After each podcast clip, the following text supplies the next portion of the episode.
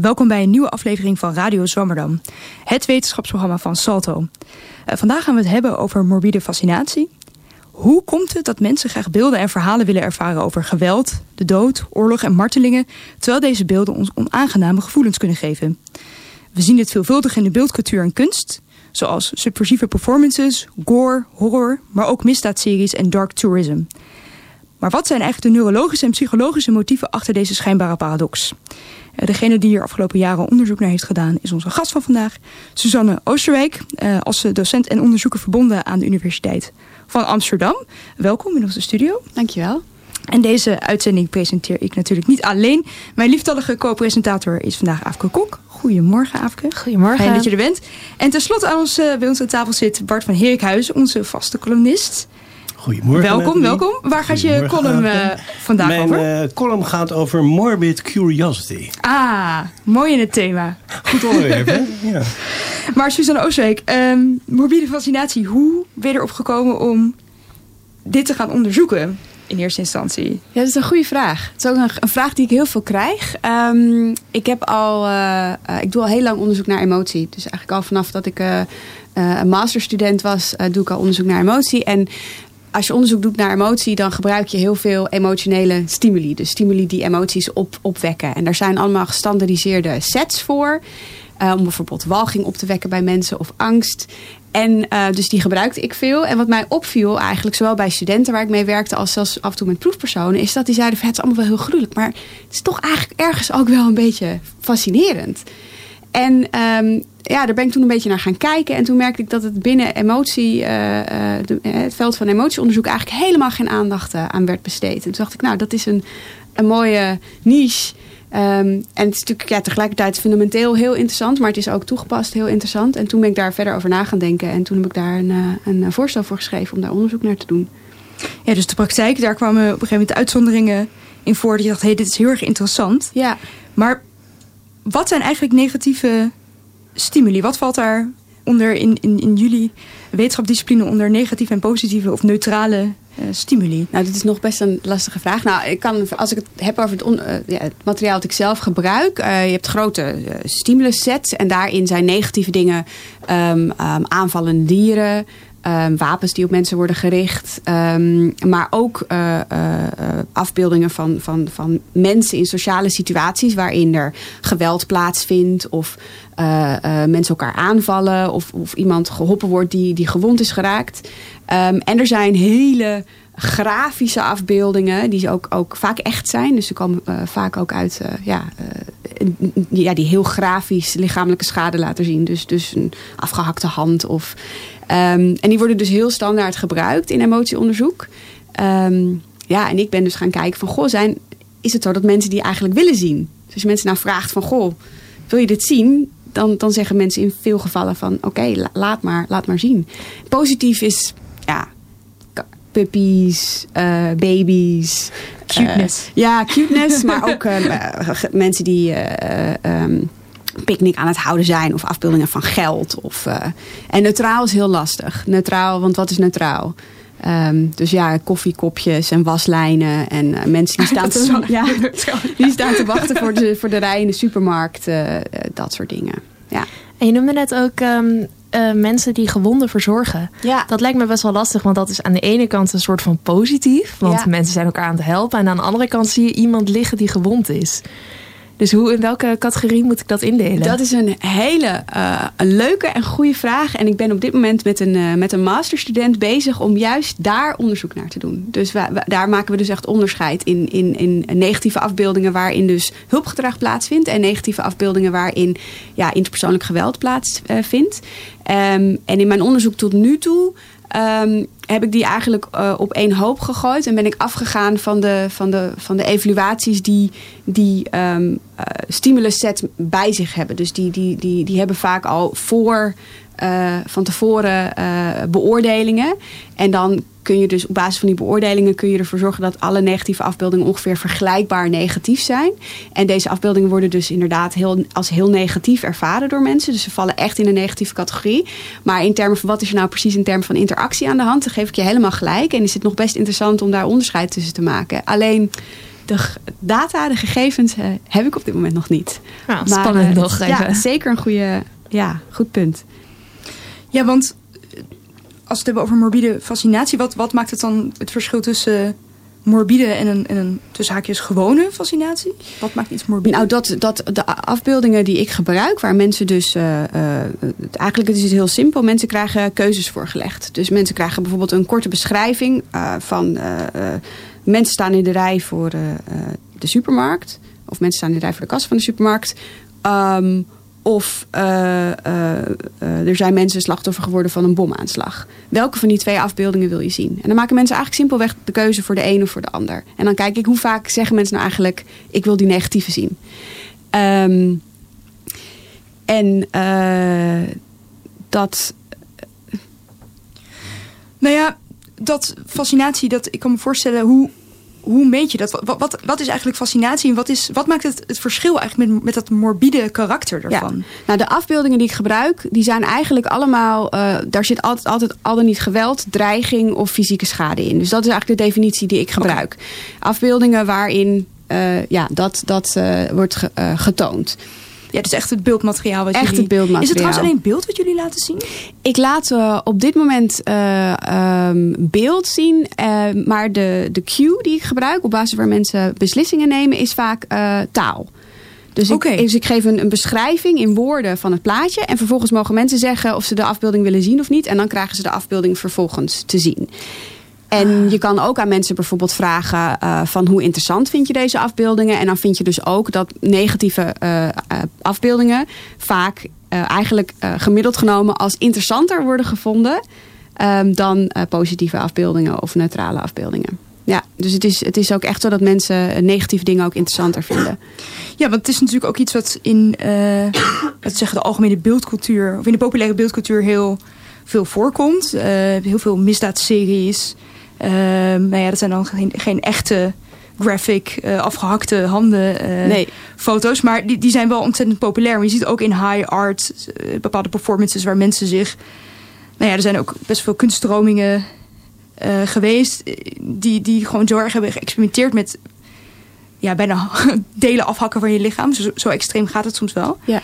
Ehm, en eigenlijk een voorbeeld waar ik op stuitte tijdens de voorbereiding van deze uitzending is eh, namelijk van de toeristische sector. Dat zou je niet per se verwachten. Ehm, dat heet dark tourism. Er is ook een hoogleraar in dark tourism. Ehm, en het idee is dat mensen dus op vakantie gaan naar plekken waar mensen hebben geleden. Dus nou, Auschwitz is dan iets wat zelfsprekend eh, voorbeeld, maar ook catacomben of kerkhoven of ook Ground Zero trekt ook een bepaald soort eh, toerisme aan. Ehm, nou ja, in de meeste gevallen is het gewoon iets wat mensen gewoon interessant vinden. Zo, Chernobyl, nou dat klinkt wel heel erg cool, daar wil ik heen. Maar er zijn dus ook georganiseerde reizen die dus eh, nu ja, commercieel eh, georganiseerd worden. En ik wil graag naar een stukje luisteren van de BBC. Die heeft hier vorig jaar een, eh, een hele korte uitzending over gemaakt. Daar gaan we heel veel naar luisteren. Minute English from bbclearningenglish.com. Welcome to Six Minute English. I'm Rob. And I'm Neil. Hello. Today we're talking about an unusual type of tourism. Now, tourism is the business of providing services such as transport or places to stay or entertainment for people who are on holiday. But instead of providing sunny holidays in a nice hotel by the sea, this is where tourists travel to sites of death, brutality, and terror. It's being called dark tourism. Rob, have you ever been to any dark tourist destination or place? Yes, I visited Auschwitz in Poland, a fascinating trip, but an obviously depressing place. And next month I'm planning to go to visit Chernobyl, the site of a catastrophic nuclear accident back in 1986. So these are not your typical sightseeing trips, but a visit to places that make you curious because of their significance, their importance in history. Hmm, exactly. We'll talk more about this soon, but not before I set you today's question. Now, Robin Island in South Africa is one dark tourism destination. It's where Nelson Mandela was imprisoned for 18 years. But do you know in which year it finally closed as a prison? Was it in A, 1991, B, 1996, or C, 1999? I don't know, but I am going to guess A 1991 because I think he was released in 89 and surely they would have shut it down pretty quickly after that. Well, I like your thinking. Uh, I'll reveal the answer later on.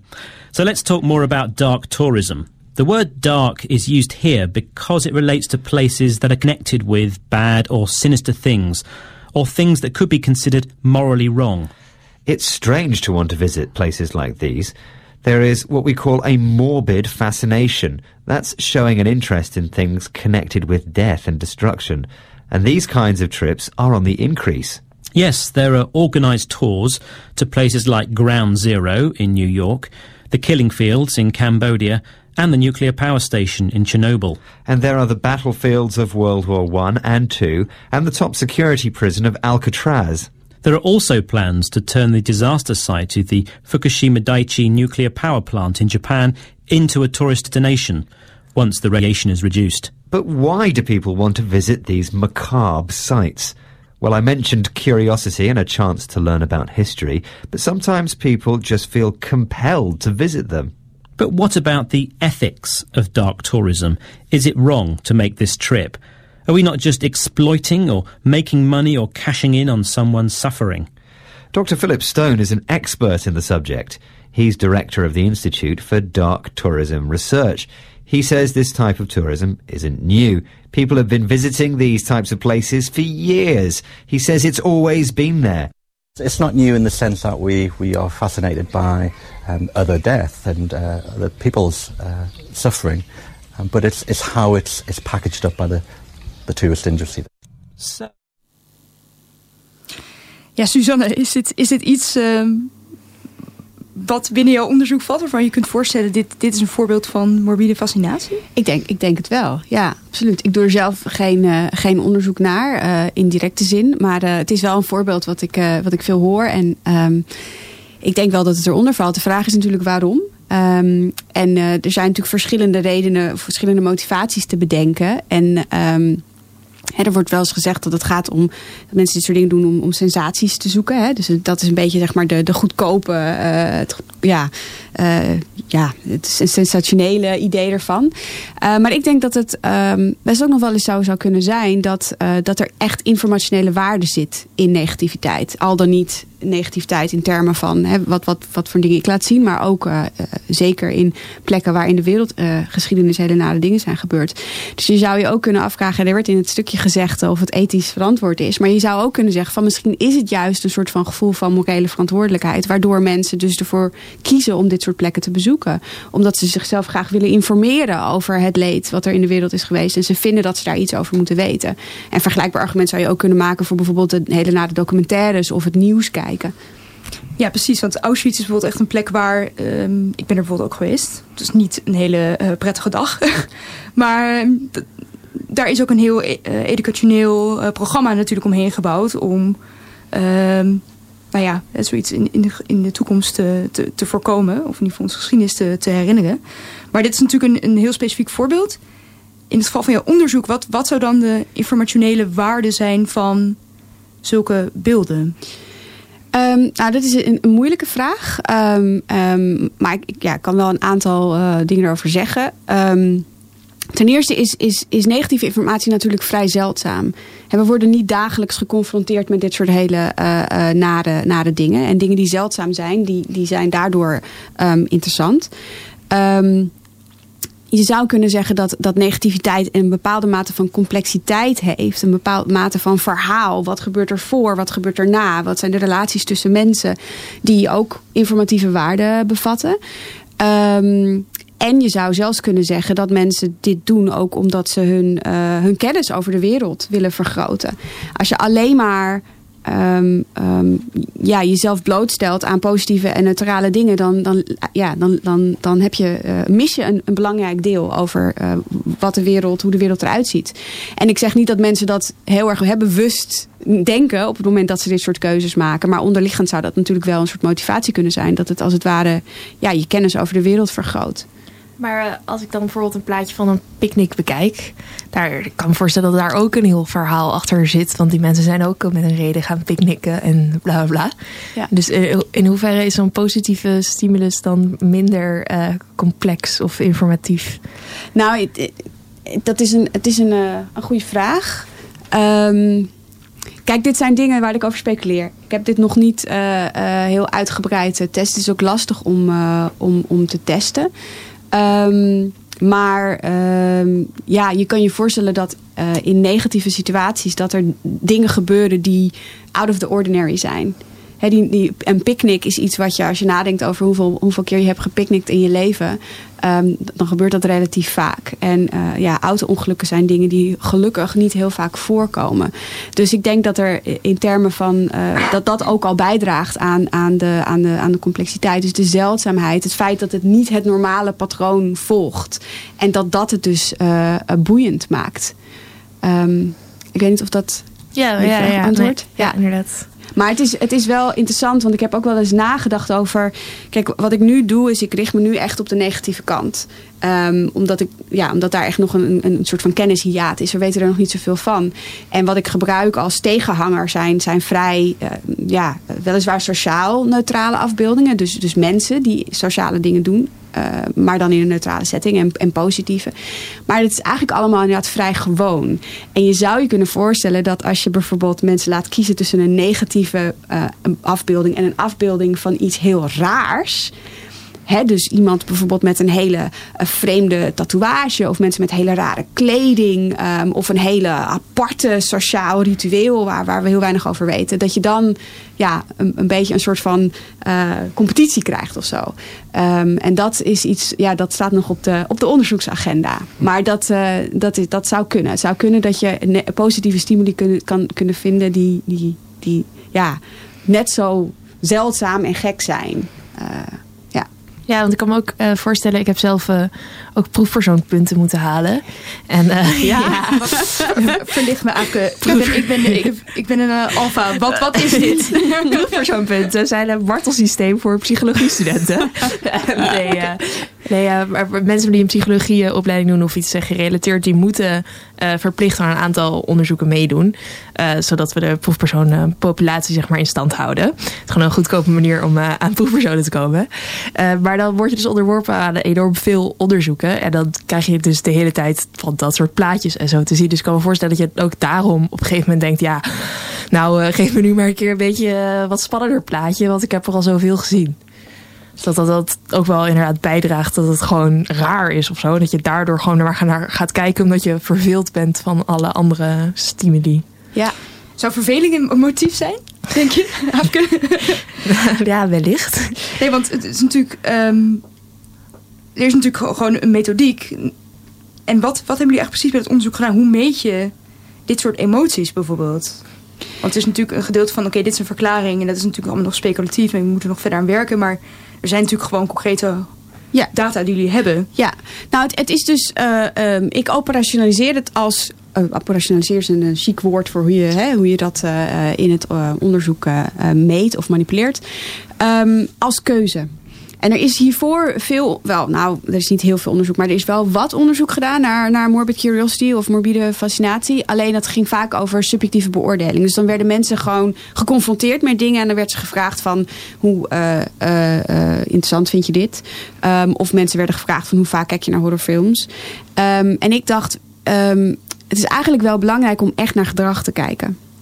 Want nieuwsgierigheid is, een, het is een, vaak geassocieerd met gedrag. Weet je, je kan je nieuwsgierig voelen. En vaak wil je dan echt iets. Je wilt iets bekijken of je wilt iets weten. Dus uh, vandaar dat ik dus dat, dat uh, paradigma heb ontwikkeld. Waarin je mensen dus altijd niet hele kleine versies van afbeeldingen laat zien. En dan vraagt welke van de twee wil je zien. Een neutrale of een negatieve. Of beschrijvingen geef. Um, en dan op basis van die beschrijvingen kunnen mensen kiezen. En dan kun je simpelweg kijken hoe vaak kiezen mensen nou eigenlijk voor die negatieve optie. En in dat onderzoek ben ik begonnen met onderscheid te maken tussen drie verschillende categorieën negativiteit. Dus um, de sociaal negatieve afbeeldingen, waarin dus leed, en geweld en, en, uh, en lichamelijke schade binnen een sociale context wordt geplaatst. Ehm, afbeeldingen die echt gewoon heel grafisch zijn. Dus eigenlijk heel erg ingezoomde foto's van nare dingen of lichamelijke eh, ja, letsels. Zonder dat daar een, echt een verhaal omheen is. En ik heb ook afbeeldingen laten zien met aanvallende dieren. Want die zitten toevallig heel erg in die, in die, in die stimulus sets waarmee ik werk. En dat zijn dan haaien die zeg maar zo open, open. Ja, precies. En wat je eh, vindt, en dat is een heel stabiel effect, wat ik eigenlijk door al mijn onderzoek heen eh, heel robuust terugvind, is dat mensen echt vooral heel geïnteresseerd zijn voor sociaal negatieve afbeeldingen en die zelfs verkiezen boven neutraal materiaal. Dus als ze moeten kiezen tussen een neutrale afbeelding en een negatieve afbeelding, dan kiezen ze dus gewoon vaker voor, eh, ze hebben een voorkeur voor het negatieve. Ehm, en vervolgens, als je zo'n paradigma eenmaal hebt en je hebt laten zien van oké, mensen doen dit. Ehm, en eh, dan kun je dat vervolgens in allerlei, ja, allerlei verschillende manieren gaan veranderen. Dus bijvoorbeeld het voorbeeld wat ik net gaf. Je kan afbeeldingen laten zien waar mensen elkaar helpen versus niet. Ehm, je kan eh, de context veranderen. Dus wat we bijvoorbeeld hebben gedaan is we hebben ehm, de mening van andere mensen daarover veranderd. Dus we hebben tegen proefpersonen gezegd van nou je gaat straks keuzes maken over afbeeldingen. En die vinden andere mensen heel fascinerend. Of die vinden andere mensen heel walgelijk. Of een controleconditie waarin we niet echt iets zeiden. En dan, ja, dan was de vraag, wat gebeurt er dan eigenlijk? Als mensen nou zeggen, het is allemaal heel walgelijk. Gaan mensen dan... Ja, hoe wordt dan hun keuzepatroon beïnvloed? En wat gebeurt er? Dat is natuurlijk wel interessant. Dat zowel als je zegt dat andere mensen het fascinerend vinden... als dat andere mensen het walgelijk vinden... in beide gevallen de keuze omhoog gaat. Oh wauw, dat is wel, dat, je zou verwachten dat, dat mensen daar wel op een andere manier door beïnvloed, eh, beïnvloed worden. Want hoe, ehm, wat voor soort emoties meten jullie eigenlijk als jullie die beelden laten zien? Wat, wat, wat, wat is de meest typische reactie op dat soort... eh, Nou, in, in dit geval kijken we dus echt naar keuze. Dus gewoon de proportie van hoe vaak zeggen mensen ja, als het ware. Maar we, we vragen ook wel eens eh, om mensen om zeg maar subjectieve beoordeling te laten geven van die afbeeldingen. En dan vind je eigenlijk, ehm, en dat is ook wel interessant aan, aan dit fenomeen, dat mensen negatieve dingen heel interessant vinden, maar tegelijkertijd ook heel negatief en ook heel walgelijk en ook eh, beangstigend. En ook, hè. Dus het is niet zo, en dat is denk ik wel belangrijk om te benadrukken, dat dit gedreven wordt door dat mensen dit gewoon heel leuk vinden. Dat mensen denken, oeh, weet je, het is niet dat mensen dit soort dingen nou heel plezierig vinden om naar te kijken. Ze vinden het nog steeds echt heel, heel naar. En dat is natuurlijk precies waar de, die, dat interessante conflict zit. Je wil ergens naar kijken, maar eigenlijk is het heel, heel naar en voel je je er eh, rot, eh, rot door. Maar, eh, maar ja, dus het, het zijn wel plaatjes die mensen over het algemeen wel vrij, vrij gruwelijk vinden. Ja. Heb je ook een idee waarom mensen dan liever naar die sociale eh, nare afbeeldingen kijken dan naar die grafische of die dieren? Ja, ik denk dat. eh, nou, er zijn een aantal verschillende redenen v- voor te verzinnen. Ik denk dat, ehm, ehm, dat sociale eh, negatieve afbeeldingen bepa- bepaalde mate van ehm, ja, verhalende complexiteit hebben. Dat- er, dat er, er zijn relaties tussen mensen, er is iets ervoor gebeurd, er is iets erna gebeurd, waardoor eh, dat verhaal, ja, dat maakt dat mensen het interessant vinden. Ehm, en het zou best wel eens kunnen dat, eh, en dit is natuurlijk eh, eh, ja, is iets een van de, van de interessante vragen in dit onderzoek is: is morbide nieuwsgierigheid nou iets anders dan gewone nieuwsgierigheid? Of is het nou ongeveer hetzelfde als gewone nieuwsgierigheid? En bij gewone, reguliere nieuwsgierigheid voor positieve en neutrale dingen zie je ook dat mensen sociale dingen heel interessant vinden. Hè, zelfs baby's en kinderen hebben al heel, vanaf heel vroeg een voorkeur voor sociale stimuli. Eh, omdat ze informatief zijn, omdat je nou eenmaal in je leven heel erg veel mensen tegenkomt. Dus het is goed om veel te leren over hoe gezichten van mensen eruit zien. Ehm, en dat zou je in principe ook kunnen toepassen op negativiteit. Dat, dat, waarom zou dat anders zijn voor negatieve dingen? Waarom zouden mensen dan niet juist ook heel geïnteresseerd zijn in andere mensen en wat ze doormaken? En als je dan nog wat verder gaat, zou je zelfs kunnen zeggen van misschien is er wel een soort van empathische motivatie of een soort van morele verantwoordelijkheid die daaraan ten grondslag ligt. En dat als het over mensen gaat, dat dat, nou, dat, dat meer geactiveerd wordt dan wanneer je naar een soort van hele gedecontextualiseerde afbeelding van lichamelijk letsel kijkt. Ja. Dankjewel Suzanne. Wij praten zo gewoon verder. Eh, maar nu eerst gaan we luisteren naar de column van Bart van Heerikhuizen. In onze moderne westerse samenlevingen durven we de dood niet meer onder ogen te zien. Wij kijken ervan weg.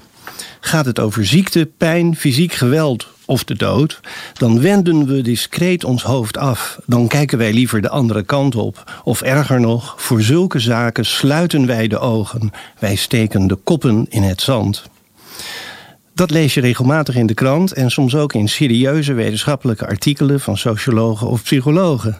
Het is de vraag of die metaforen van wegkijken, de blik afwenden, de ogen ervoor sluiten wel kloppen. Maar als je ze letterlijk neemt, dan weten we nu dat ze onwaar zijn. En wel dankzij de onderzoeken van Suzanne Oosterwijk. Als je proefpersonen in een laboratoriumsituatie laat kiezen uit een neutraal beeld of een afbeelding van geweld, pijn en dood, dan worden veel mensen juist gefascineerd door, nieuwsgierig naar, aangetrokken tot het akelige. Ze wenden de blik niet af, integendeel, ze kunnen hun ogen er niet van afhouden. En zo gaat het niet alleen maar in de onderzoeksruimte van Suzanne. Mensen die in een auto zitten en langs een ongeluk rijden, verkreukelde autovrakken, dode lichamen, ambulances, politieagenten, draaien hun nek zo ver om dat ze vaak zelf een nieuw auto-ongeluk veroorzaken. Ik las dat in de Verenigde Staten ongeveer 16% van de auto-ongelukken wordt veroorzaakt door wat ze daar noemen rubbernecking, gevaarlijk ver omkijken naar een ongeluk.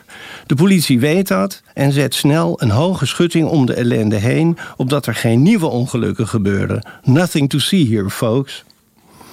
Dat mensen aangetrokken worden door dingen die zo vreselijk zijn dat ze ze niet graag zelf zouden meemaken, werd al onderkend door de filosoof Aristoteles, die in zijn Poetica schrijft. We genieten van de aanblik van heel gedetailleerde voorstellingen van dingen die ons pijnlijk zouden raken als we ze in de werkelijkheid zouden aantreffen, zoals bijvoorbeeld weerzinwekkende dieren of de lichamen van dode mensen. Een geleerde 16e-eeuwse schrijver als Montaigne begon zijn betoog graag met een citaat van Aristoteles, dat dan werd gevolgd door een niet minder deftig citaat van de grote kerkvader Augustinus, Aurelius Augustinus. Vandaag volg ik zijn voorbeeld. In zijn belijdenissen, een openhartig verslag van zijn eigen leven, vertelt Augustinus dat hij, toen hij in Carthago woonde, graag naar het theater ging en dat toneelstukken hem enorm konden meeslepen. Ze waren, zo schrijft hij, gevuld met de weergaven van zijn eigen ongeluk en ze vormden de brandstof voor mijn innerlijke vuur. En dan komen de volgende zinnen. Waarom zou iemand verdrietig willen worden gemaakt door de aanblik van droevige en tragische gebeurtenissen die hij zelf beslist niet zou willen ondergaan? En toch wil hij lijden onder de pijn die het waarnemen van lijden hem verschaft. En deze pijn zelf is zijn plezier. Wat is dit anders dan miserabele krankzinnigheid? Er staat in het Latijn quid est nisi miserabilis insania. Dus zo heb ik het dan maar vertaald. Miserabele gekte. Augustinus en Aristoteles worden besproken in een artikel van de socioloog Norbert Elias, dat ik Susanne Oosterwijk en haar medeonderzoekers warm aanbeveel: The Quest for Excitement in Leisure. Dat stuk is gebaseerd op een lezing uit 1967 getiteld The Quest for Excitement in Unexciting Societies. Uit die oorspronkelijke titel blijkt al meteen welke sociologische kant Elias op wilde.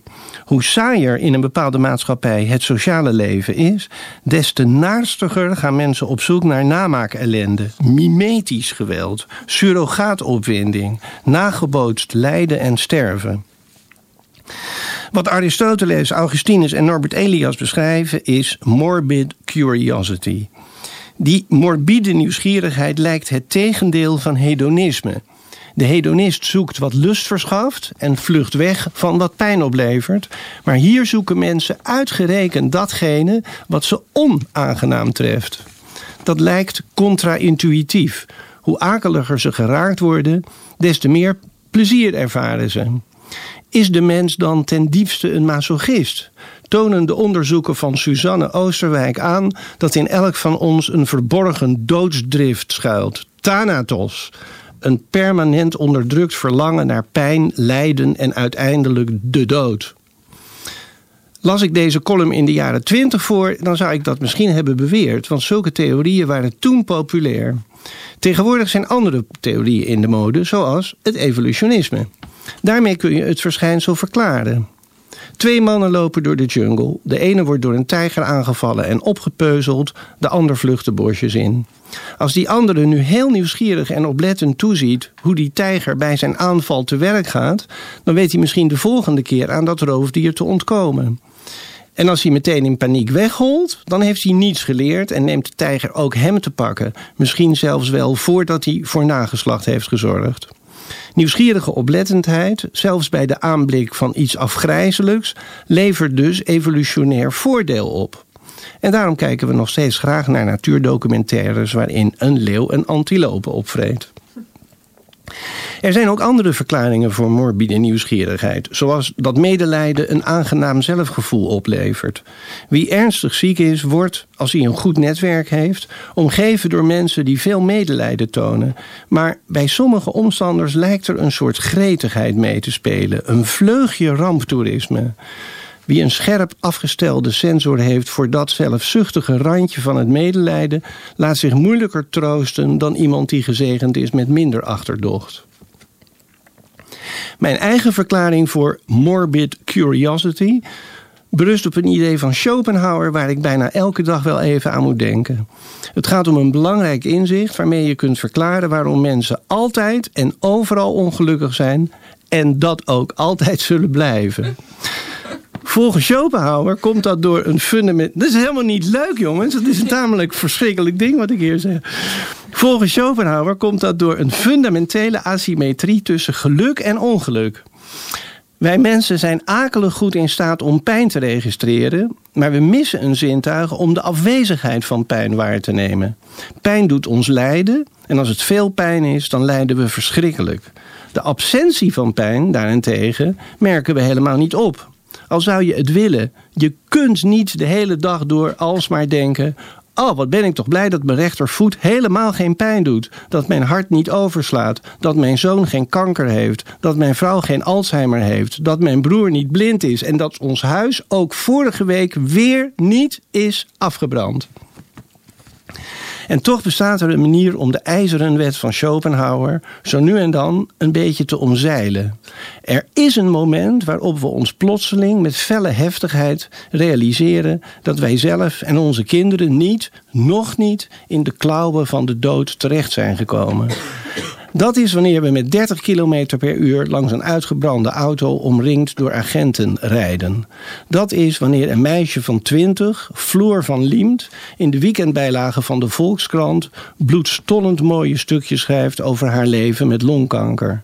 Op zo'n moment denken we heel even datgene wat we volgens Schopenhauer niet kunnen denken, namelijk ik niet, goddank, mijn dochter niet, mijn vrouw niet, mijn zusje niet, nog niet, nu nog even niet. Jusqu'ici, tout va bien. Ik denk dat dat erachter zit. Morbide nieuwsgierigheid is een manier om je zegeningen te tellen. Ter afsluiting lees ik nog een kort gedichtje voor van Esther Naomi Perquin, dat precies hierover gaat. Dat gedicht heet Voor en het komt uit haar bundel Lange Armen. Hoe meet je de zwaarte van een klap die nooit kwam? Zoek je de fiets waar niets mee is, die er nog staat? De brand in een leegstaand schoolgebouw, nooit uitgebroken, laat geen sporen na. Hier is de eindeloze lijst van dingen die niet zijn gebeurd. Hier is de nooit betaalde prijs voor toeval, dronkenschap, loslippigheid. Hier is het dodelijke ongeluk, de schade die je nooit veroorzaakt hebt. Hier klinkt de niet geslaakte kreet van twee uit bed gebelde ouders. De stad zwermt van ongehoord geluid. Je luistert s'nachts naar de zachte voetstap van de dochter die onaangetast de trap opsluipt. Prachtig, Bart. Een hele mooie column. Echt heel mooi. Suzanne, wat, uh, wat, wat, vond je hiervan? Ja, ik vond het echt, uh, ja, nee, ik vond het echt uh, heel indrukwekkend. Wat vond je van de, sorry, wat vond je van de verklaring? Ja, nee, ik, ik, um, ik het is er één die ik, ja, de, het idee dat je dus negatieve dingen bekijkt, omdat je daarmee een soort van gevoel hebt van, oh dan, dan ja, het is, ik ben het niet. Ik niet, ja. Um, Ja, ik denk dat het een interessante vraag is om, om te onderzoeken. Ik denk dat dat, ik kan daar, ja, ik denk dat het een interessante motivatie is. Uh, ik weet niet uh, in hoeverre die echt, uh, ja, empirisch gezien aan te tonen is. Hoe je dat zou moeten en ook operationaliseren. Hoe ga je dat operationaliseren? Ja, ja, ja. maar het is zeker iets om, om in overweging te nemen. En ik denk ook dat Kijk, dat gaat heel erg over een soort van, misschien een soort van gevoel van opluchting, misschien. Mm -hmm. um, maar ik denk ook dat, dat. Mijn insteek gaat vooral over de informatieve waarde. En ik denk dat dat hier ook wel uh, tegenaan uh, ligt. Ja, ja uh, niet zozeer dat je misschien opgelucht bent dat jij het niet bent, maar meer dat, je, dat het soms ja, informatief kan zijn om je te oriënteren op alle dingen die er mogelijk wel mis kunnen gaan in het leven. Ja, als je naar die, als je, die, die, die, twee mannen met die leeuw, je zou kunnen ja. zeggen hetzelfde is het geval met een auto-ongeluk. Door naar een auto-ongeluk te kijken of er in de krant over te lezen, denk je na over wat je niet moet doen in een auto ja. als je dit wil voorkomen. Ja, ja. Het is, ja, het is zeker een, een interessante, interessante mogelijkheid. Absoluut. Ja, want dit gaat ook weer vooral over die motieven en het gedrag. Um, en ik begrijp natuurlijk dat, dat jouw methode heel anders is. En dat dit, wat Bart aansnijdt, meer speculatief is. Of een ander, gewoon een ander vakgebied. Um, nou, niet per se een ander vakgebied. Het is alleen een motivatie die ik op dit moment nog niet in een nee, onderzoek heb precies. gegoten om hem, om hem zeg maar empirisch te kunnen aantonen. En dat is natuurlijk belangrijk, maar, maar het is ja, beslist een. Om, om tastbaar te maken in empirische zin, dus ja, in een experimentele setting. Ja. Om dat na te bootsen natuurlijk. Ja. Um, om toch een soort filosofische zijstap wel te maken, omdat dit onderwerp volgens mij zich heel erg mooi verleent. Um, je zegt het ook in, in bredere zin iets over de, over de mens. Hè? Dus, dus heeft de mens uh, een, juist een hele duistere aard of een ontdekkende aard? Hè? Dus dat komt bij Bart natuurlijk ook al um, dus komt heel erg nou, naar voren. Het is denk ik belangrijk om daar een paar dingen over te zeggen. Um, ten eerste uh, um, is het belangrijk om, om te zeggen dat er heel veel individuele verschillen zijn. He, dus ik praat over gemiddeldes in mijn onderzoek. He, statistisch gezien kijk je naar de gemiddeldes geaggregeerd over de hele groep mensen waarnaar je kijkt. Maar als je nou op individueel niveau kijkt, dan zie je dat er mensen zijn die in maar uh, één op de tien keer ja zeggen tegen zo'n negatieve afbeelding. En mensen die negen of tien van de tien keer zeggen van laat maar zien. Dus er zijn hele grote individuele verschillen. Um, en als je dat allemaal op één hoop gooit, dan kom je uit op, hè, op, op 60, 70 procent gemiddeld. Maar ja, dat, ja, daarmee kun je dus niet iedereen uh, karakteriseren. Um, en een interessante vraag is natuurlijk van wat, wat verklaart die individuele verschillen? Wat, wat ligt daar dan uh, ten, aan ten grondslag? En ten tweede is het denk ik belangrijk om dat de, de term morbide nieuwsgierigheid um, of morbide fascinatie wordt ook wel eens gebruikt om echt een ongezonde onethische, een beetje afwijkende nieuwsgierigheid aan te tonen. En ik, en ik uh, uh, gebruik de term absoluut niet in. Ik denk echt dat het heel wijd verspreid is. Ik denk dat uh, mensen dat heel veel hebben. Dat het een hele normale, misschien zelfs wel functionele manier is om meer over de wereld te weten te komen. Um, dus ja, ik denk als, als ik zou moeten kiezen tussen is het nou de donkere kant van de mens of is het de ontdekkende kant van de mens, dan denk ik dat dit gedrag hoort bij de ontdekkende kant van de mens. En dat het normaal is om niet alleen ontdekken, hè, de wereld te ontdekken in termen van mooie dingen die er gebeuren, maar dat het ook ja, gezond is en functioneel is om de wereld te ontdekken in termen van wat er allemaal mis kan gaan. Ja, waar ik nog even over wil hebben, want dat is iets wat aan het begin voorkwam. Dat is um, dat je onderzoek voor gedeelte ook talig is. Ja. En ik, ik ben vooral geïnteresseerd in hoe meet je dat soort dingen? Hoe kunnen woorden dan dit soort emoties oproepen? Um, wat, wat valt er dan bijvoorbeeld te zien? Wat, wat... Nou, je ziet echt eigenlijk, het is, een beschrijving. En, en de vraag is natuurlijk een beetje van wat, wat, wat denken mensen dan dat ze gaan zien als ze zo'n beschrijving zien? Want de beschrijving is natuurlijk niet de afbeelding. En dat is denk ik precies wat maakt dat mensen er nieuwsgierig naar worden. Dus je ziet een, een, beschrijving van uh, uh, een militair trapt een burger tegen zijn hoofd. Dat is echt letterlijk een van de beschrijvingen die we gebruiken.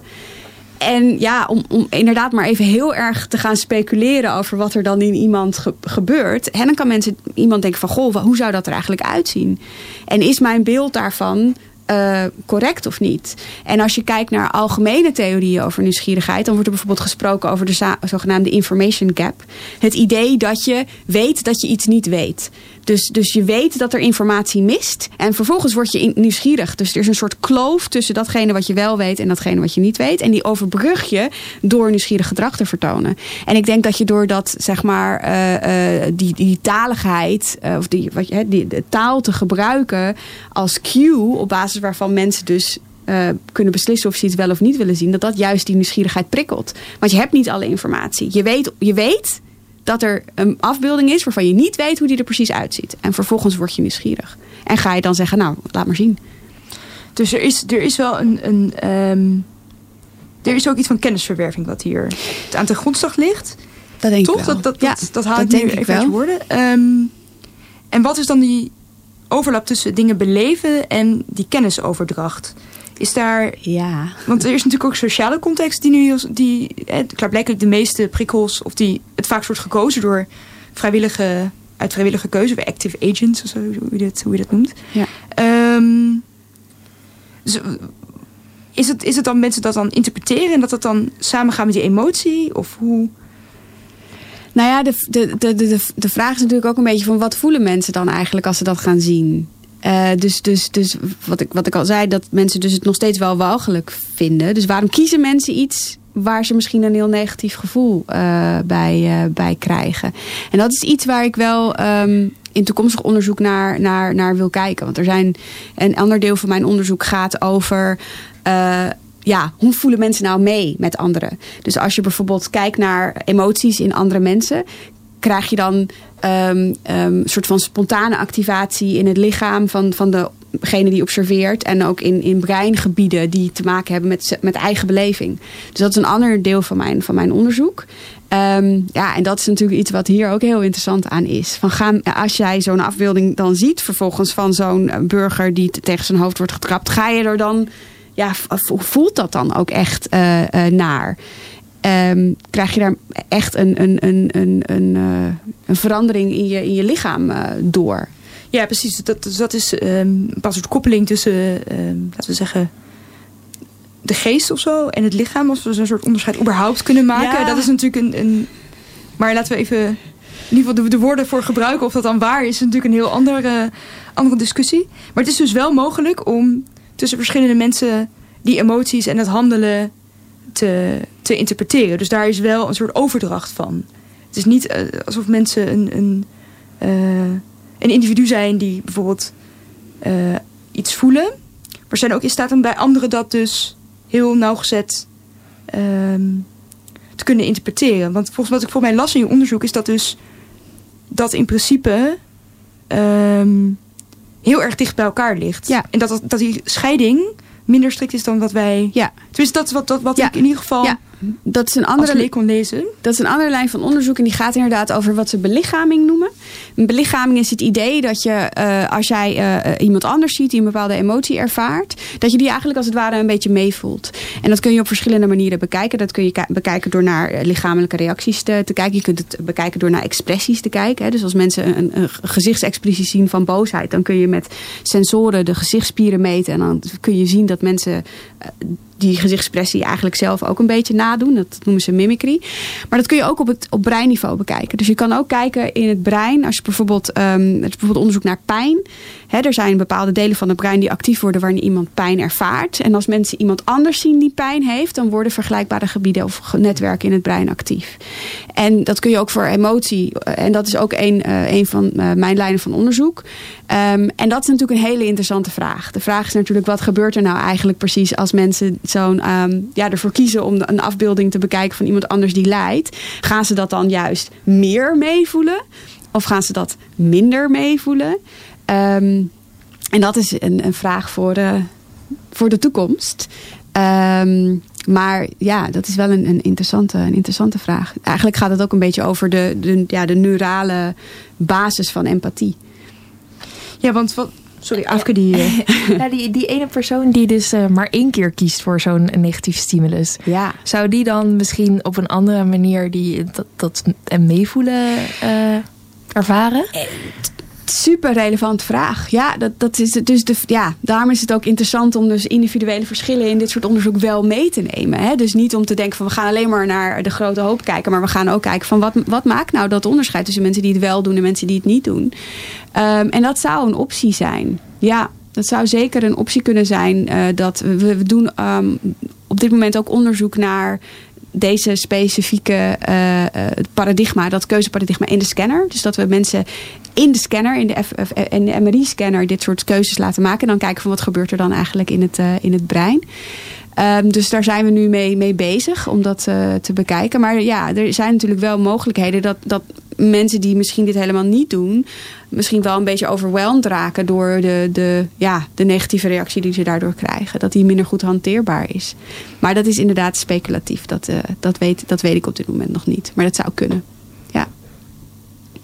Ja, wat, wat zijn eigenlijk de dingen die, uh, die in de toekomst gaat, gaat onderzoeken? Want heb je nog een uurtje? Ja, ik heb, we, hebben, nog uh, in ieder geval een dikke 10 minuten. Dus, nee, want um, er zijn natuurlijk allemaal concrete data die je in je onderzoek hebt onderzocht. Maar er zijn nog heel veel ik hoor heel veel van ja, dit, dit, dit wil je nog in, in de toekomst onderzoeken. Ja. En waar ben je nu uh, nou, mee bezig? Ik denk dat het. Um, ik ben dus. Um, ik heb een paar jaar geleden een beurs gekregen. En dan begin je natuurlijk helemaal van scratch. Hè. Dan, is er, dan is er nog niks. Er was ook niet zo heel veel. Dus de eerste focus heeft toegelegd op het, op het maken van dat paradigma. Zorgen dat dat werkt. En ik vind het ook heel belangrijk om onderzoek goed te doen. Dus ik, ik, uh, ik uh, maak gebruik van um, pre-registratie. Dus dat je van tevoren je hypotheses vastlegt. en dat je onderzoek repliceert. Dus dat je het niet één keer laat zien, maar dat je het meerdere keren achter elkaar laat zien. Om er zeker van te zijn dat je resultaten echt robuust zijn. Dus uh, dat, dat heeft wat voeten in aarde. Dat duurt allemaal dan wat langer. Maar dan weet je wel zeker dat wat je hebt gevonden ook wel echt uh, ja, klopt. Um, en ik heb me dus nu ook gericht op die contextuele variabelen. Dus de mening van anderen. Um, en, en, en iets zeggen over die inhoud. Waar we het net over hadden. over helpen versus aanvallen. Um, we zijn aan het kijken naar individuele verschillen. Dus bijvoorbeeld hoe uh, is dit soort gedrag nou gerelateerd aan individuele verschillen in empathie? Of individuele verschillen in, uh, in emotieregulatie. Hoe goed je in staat bent om je emoties te reguleren. Of individuele verschillen in algemene, reguliere nieuwsgierigheid.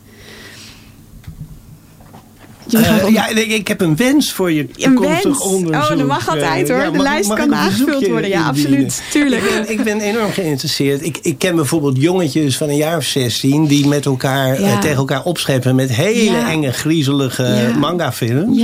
Is er nou een verschil tussen jongens Jong en, en meisjes, mannen en vrouwen? Is er verschil tussen, in leeftijdsgroepen tussen jongeren en ouderen? En vooral, wat mij als socioloog natuurlijk interesseert, is er verschil met uh, opleidingsniveau, hogere klassen lagere ja. klassen. En nu komen we dan een heel mooi kringetje rond naar de proefpersonen waar je Aafke het net over, over had. Precies, je um, hebt allemaal studenten genomen. Nou, dat is niet helemaal waar. Ik heb ook wel uh, algemene samples, uh, onderzoek met een algemene sample gedaan. Um, en wat ik in ieder geval in, in mijn onderzoek tot nu toe zie, is dat er geen hele duidelijke, stabiele verschillen zijn tussen mannen en vrouwen.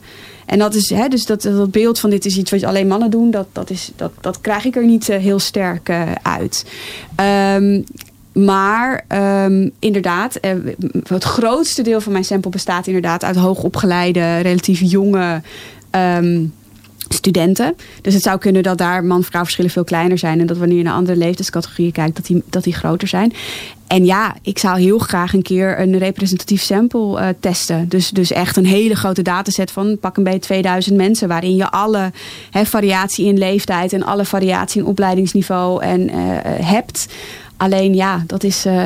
een, een, een hele, ja, helaas in de wetenschap een hele dure aangelegenheid. Maar dat is absoluut uh, belangrijk. Ik zou mij bijvoorbeeld kunnen voorstellen, en dan heb ik het even niet over de laboratoriumsituatie, maar over de, de echte wereld daarbuiten dat uh, ik heb de indruk dat mensen uh, met weinig opleiding, dat die bijvoorbeeld naar het Torture Museum in ja. Amsterdam gaan. En ik ben er bijna zeker van dat Nathalie en Afrika nooit in het Torture Museum zijn geweest. Ik, uh, ik, ik ontwijk dat gebied in zijn geheel. het is een Torture Museum, maar dan een open ja, museum. Weet je. een grote boog omheen. Terwijl jij wel, maar je, gaat, je bent wel in Auschwitz geweest. Ik ben wel dat in is een heel ander soort. Dus Absoluut. De, de, de, de, de dingen die mensen zoeken. Zijn, en je had het net over uh, dat het griezelig vinden, de kick van het enge of nieuwsgierigheid. Dat zou dus ook kunnen verschillen qua opleidingsniveau. Ja, nee, ik, ik, ik, bedoel, het is absoluut een, een hypothese. Nee, wat zo die, eh, opvalt, je die zegt we zijn erg geïnteresseerd in individuele, individuele verschillen. Maar je zou natuurlijk je onderzoeksopzet ook kunnen, eh, zo kunnen maken dat je kijkt naar groepsverschillen. Ja, nee, precies. Maar met individuele verschillen, ja, hè, dat zijn dus verschillen van hoe, hoe verschilt een individu bepaalde persoonlijkheidskenmerken. Maar je zou ook naar verschillen inderdaad tussen leeftijdscategorieën kunnen kijken. Ja, dat is inderdaad eh, iets waar we, waar ik wel, eh, wat ik graag zou willen doen. Nou, het Ja. verzoek is dan hierbij Dus nou, het ingediend. staat eh, toegevoegd op de, op, de, op de lijst. Ja. Heb je nou een enorme team onder je waarmee je al deze dingen kan eh, gaan onderzoeken? Of, eh, want het klinkt als een hele waslijst. Ja, nee, ik, ehm, ik werk samen met studenten. Dus eh, ik moet inderdaad ook eigenlijk al mijn masterstudenten te- eh, hier even heel erg gaan bedanken. Want die doen heel veel van, van dit onderzoek. Ehm, en ja, ik, ik heb op dit moment één PhD-student die eh, tot op zekere hoogte onderzoek naar doet. Vooral in termen van hoe het op het eh breinniveau werkt. Maar het is voornamelijk eh, ik. Eh, ja, dus ik heb niet een, een heel groot team van, van, van betaalde onderzoekers die dit, die dit doen. Nee. Maar goed, hè, wat niet is, kan nog komen. Zolang de waslijst groeit, op een gegeven moment... eh, ja, kijk, het heeft ook met geld te maken. Dus ik hoop eh, op een gegeven moment nieuwe eh, financiële ondersteuning hiervoor te kunnen krijgen. Dus ik wist dat dat punt ging, eh, ging kopen. Er moet altijd meer geld naar onderzoek. Dat is... Nou ja, en, wat, en als ik dan even een lans mag breken voor, voor bepaald, bepaald onderzoek, wat natuurlijk zo is. Ehm, en dat, dat komt ook heel erg. eh, ja, dat gaat eigenlijk over alle. wat jij hebt gezegd over proefpersonen en wat jij hebt gezegd over, over individuele verschillen of over verschillende eh, groepen. Ja, eh, representatieve steekproeven zijn heel duur. En, en het zou heel fijn zijn als er dus meer geld voor beschikbaar zou worden gesteld om dat soort onderzoek ook, ook te doen. Dus dat is beslist eh, ja, een belangrijk punt. Wordt dit soort onderzoek ook in eh, andere landen gedaan? Kun jij jouw onderzoek vergelijken met wat eh, collega's in Zweden of in eh, de Verenigde Staten doen? Er wordt heel weinig onderzoek naar gedaan. Er is wel recent een paper uitgekomen. Het was een heel interessant paper, maar dat ging niet specifiek over nieuwsgierigheid naar, naar dood en geweld. Maar dat was een, een onderzoek waarin ze proefpersonen gaven ze pennen. En van die pennen konden ze een schok krijgen. Dus dat was zo'n zo'n zo'n zo'n schokpen, weet je, die je in feestwinkels kan kopen.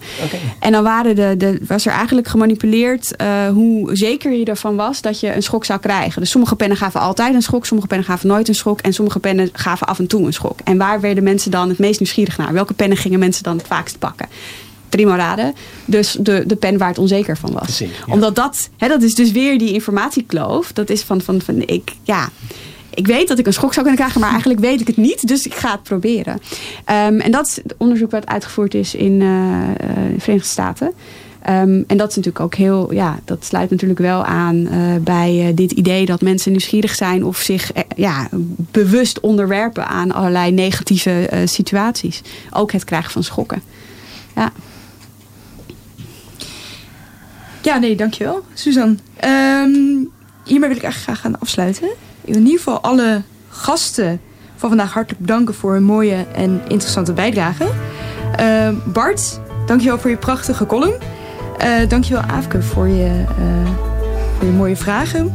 En natuurlijk, uiteraard, dank Suzanne Oosterwijk voor je komst en de nieuwe inzichten die we hebben gekregen. Graag gedaan. Ehm ten slotte wil ik de technicus van deze week bedanken. Dat is Sander Westerveld. En later deze middag is deze aflevering te beluisteren online via Soundcloud, op podcasts als- op iTunes of andere apps die je daarvoor gebruikt. Ehm, mijn naam is Nathalie Jansen. U luistert naar Radio Zwammerdam en voor nu wens ik u een fijne zondag.